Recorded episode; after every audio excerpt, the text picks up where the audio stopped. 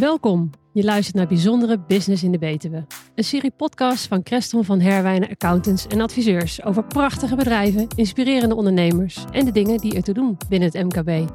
Voor iedereen die meer wil weten over bijzondere business in de Betuwe. Fijn dat je luistert. Prinsjesdag ligt alweer even achter ons. Maar weten we ook precies wat alle daar gepresenteerde maatregelen en besluiten voor de MKB-ondernemers betekenen? Bijzondere business in de Betuwe denkt van niet. En dus komen we de komende weken met korte podcasts waarin we de belangrijkste effecten van wat meer duiding voorzien. En dat doen we afwisselend met de fiscalisten Bas Bijkerk en Cor van Gessel van accountantskantoor Creston van Herwijnen. Vandaag gaan we het hebben over de werkende DGA, dat is de directeur grote aandeelhouder die in zijn bedrijf werkt of, of haar bedrijf werkt, en de IB-ondernemer, de ZZP'er. Bas Bijkerk, we gaan het daar eens over hebben, want daar zijn een aantal maatregelen aangekondigd rondom Prinsjesdag die we nader onder de loep moeten nemen. Hè? Ja, dat klopt. Ze hebben een, een aantal maatregelen hebben ze, hebben ze genomen. Zowel voor de DGA als de IB-ondernemer. Wil ik wel even uit elkaar trekken, maar die zal ik zo direct zal ik die wel benoemen. Ja, goed. In ieder geval een, uh, een aantal maatregelen die voor iedereen is. Dus voor de DGA, voor de IB-ondernemer, maar ook voor het personeel. is ook misschien ook belangrijk om te weten. Uh, het tarief in de inkomstenbelasting is iets omlaag gegaan. Is, is wel he- eigenlijk wel heel lachwekkend, want dat levert, dat levert je maximaal eigenlijk 100 euro per jaar op, uh, netto. Dus dat is niet zo heel veel. Uh, maar goed, toch even benoemd te hebben. Ja, ik, ik vind het wel belangrijk. Ik heb hier iemand horen zeggen die zegt: Dit is het ultieme bewijs dat de mensen die dit verzinnen echt onder de Haagse kaasstolp zitten. Ja, dit is echt om te kunnen zeggen: we hebben het verlaagd, maar het doet eigenlijk vrij weinig. 0,1, 0,2 procent zit daartussen. Nou, de maatregelen die, uh, uh, die wel iets meer opleveren, dat zijn de, de heffingskortingen uh, die verhoogd worden. Op het moment dat je werkt in Nederland, heb je recht op de arbeidskorting. Die is inkomensafhankelijk, maar die gaat wel omhoog. En dat geldt ook voor de algemene heffingskorting. Dus dat wordt iets aantrekkelijker. Dat wordt aantrekkelijker om, om te werken in ieder geval. Want werken wordt wat minder zwaar belast. Dit, kan, dit levert een paar honderd euro netto per jaar op. Dus een paar tientjes in de maand dat werken minder belast wordt. Dus zowel voor je, voor je werknemer als DGA zelf, als de IB-ondernemer, ja, levert dit wel een, uh, Wie het een kleine besparing. is het grote niet weer, zullen we maar zeggen. Dat klopt. Ja. Dat klopt. En ook nog voor een aantal mensen onder ons die gebruik maken van toeslagen, die worden ook wat verhoogd. Dus uh, ja, daar zitten ook wel wat, uh, wat voordeeltjes in als je gebruik kan maken van toeslagen natuurlijk. Want dat is ook weer inkomensafhankelijk. dat is weer inkomensafhankelijk, ja zeker. Dus een van de kritiekpunten is dat als mensen meer gaan werken, dat ze uh, al vrij snel boven die grens komen. En dat uh, aan de ene kant ze wel meer gaan verdienen. Maar daardoor heel veel uh, toeslagen die ze hadden weggaan. Dat heeft extra werken heeft bijna geen zin meer. In sommige, in sommige gevallen niet. Nee, wordt dat, wordt dat wel lastig. Nou, dan hebben we voor de, inkomstenbelastingondernemers. Dus voornamelijk de uh, ZZP'ers. De fiscale ouderdagsregeling die wordt, die wordt afgeschaft. Iedere ZZP'er die kon een, een, een, percentage van zijn, van zijn winst, rond de 9%, dat, dat wisselde ieder jaar een beetje, maar rond de 9% met een maximum van ongeveer 9.500 euro, kon die een extra belastingaftrek claimen om vervolgens voor zijn pensioen te gebruiken. CQ misbruiken. Want de regeling die werd eigenlijk door 50% van de, van de ondernemers, tussen aanhalingstekens, uh, misbruikt. Oftewel niet gebruikt waarvoor de fiscale oude dagsreserve eigenlijk bedoeld is. Nee, het was gewoon een aftrekpost. Het was gewoon een aftrekpost, uh, maar wel met een fiscale claim. En die fiscale claim, die, uh, ja, die komt vaak naar boven op het moment, of die komt naar boven op het moment dat je onderneming eh, staakt. Dat je met pensioen gaat bijvoorbeeld, of gewoon stopt met je onderneming. Ja, op het moment dat je dan een fiscale oude dagsreserve opgebouwd hebt, um, heb je misschien wel een mooie aftrekpost gehad. Maar uh, ja, als, als dat bedrag in één keer tot uitkering uh, komt, of in één keer tot je winst gerekend moet worden, omdat je stopt met je onderneming, dan moet je, moet je afrekenen. Dan moet je gaan afrekenen.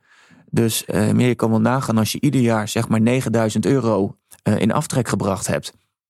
En dat heb je tien jaar gedaan.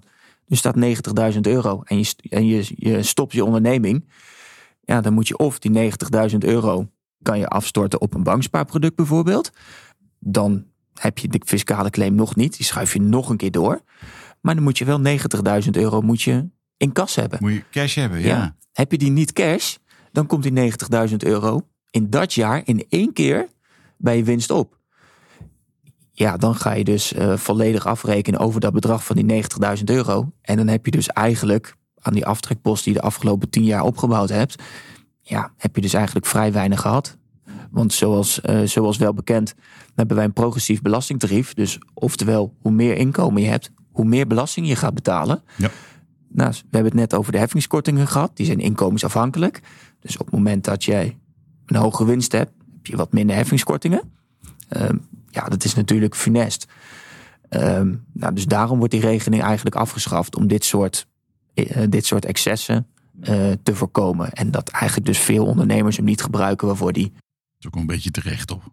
Nou ja, eigenlijk wel. En het stimuleert ondernemers natuurlijk nu ook om echt effectief pensioen op te gaan bouwen. Um, dat is bij heel veel um, zelfstandigen, ja, die, die leven in het nu. En is dat, die willen gaan investeren bijvoorbeeld in een bedrijf.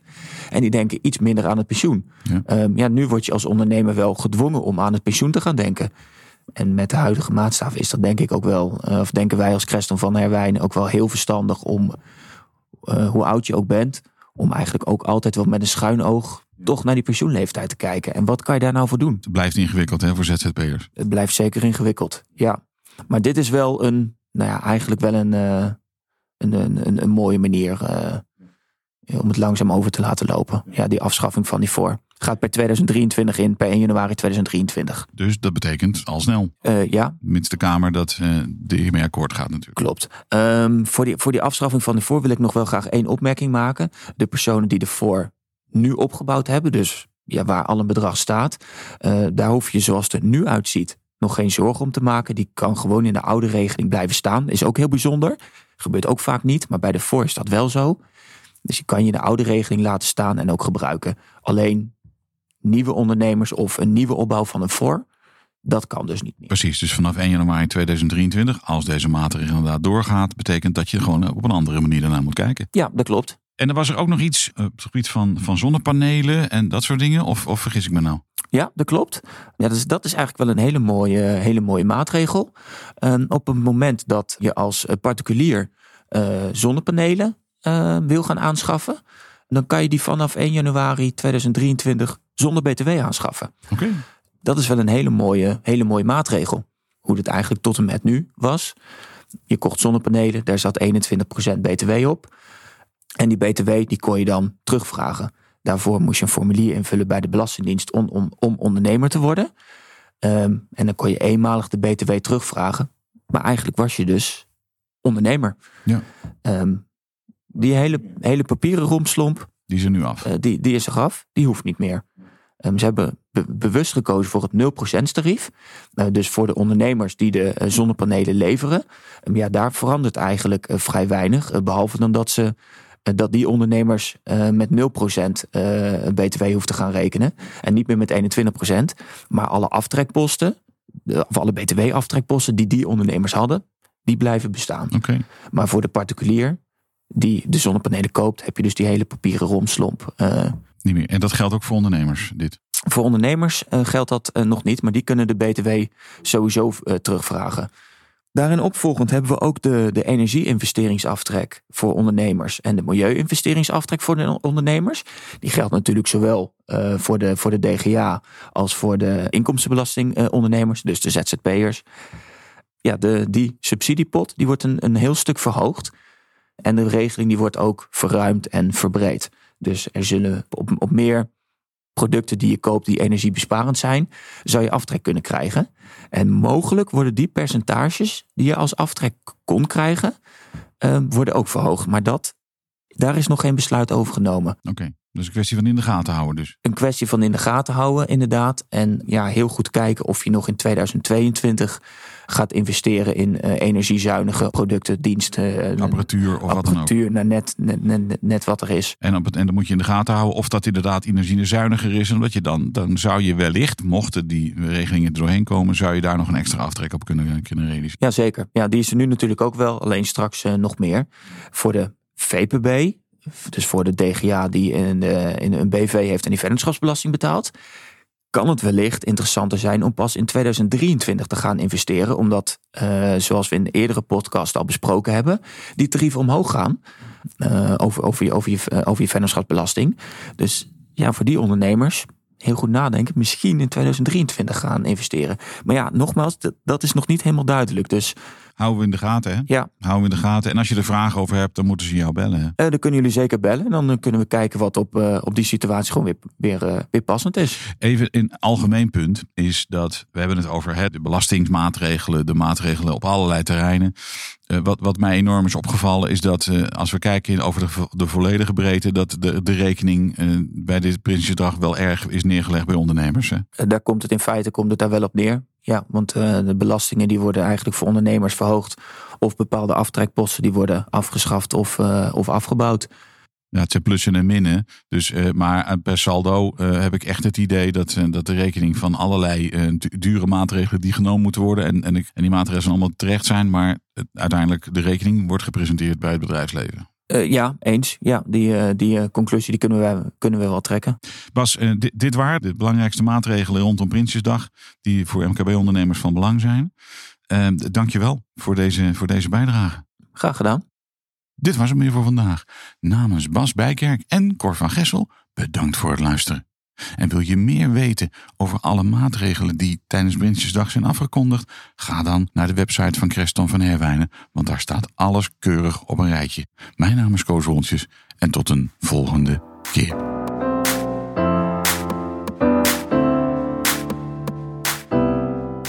Dit was weer Bijzondere Business in de Betuwe. De podcast van Creston van Herwijnen Adviseurs en Accountants. Wil je de hele serie beluisteren? Kijk op de website van Creston van Herwijnen of beluister ons via Spotify, Apple Podcast of Google Podcast.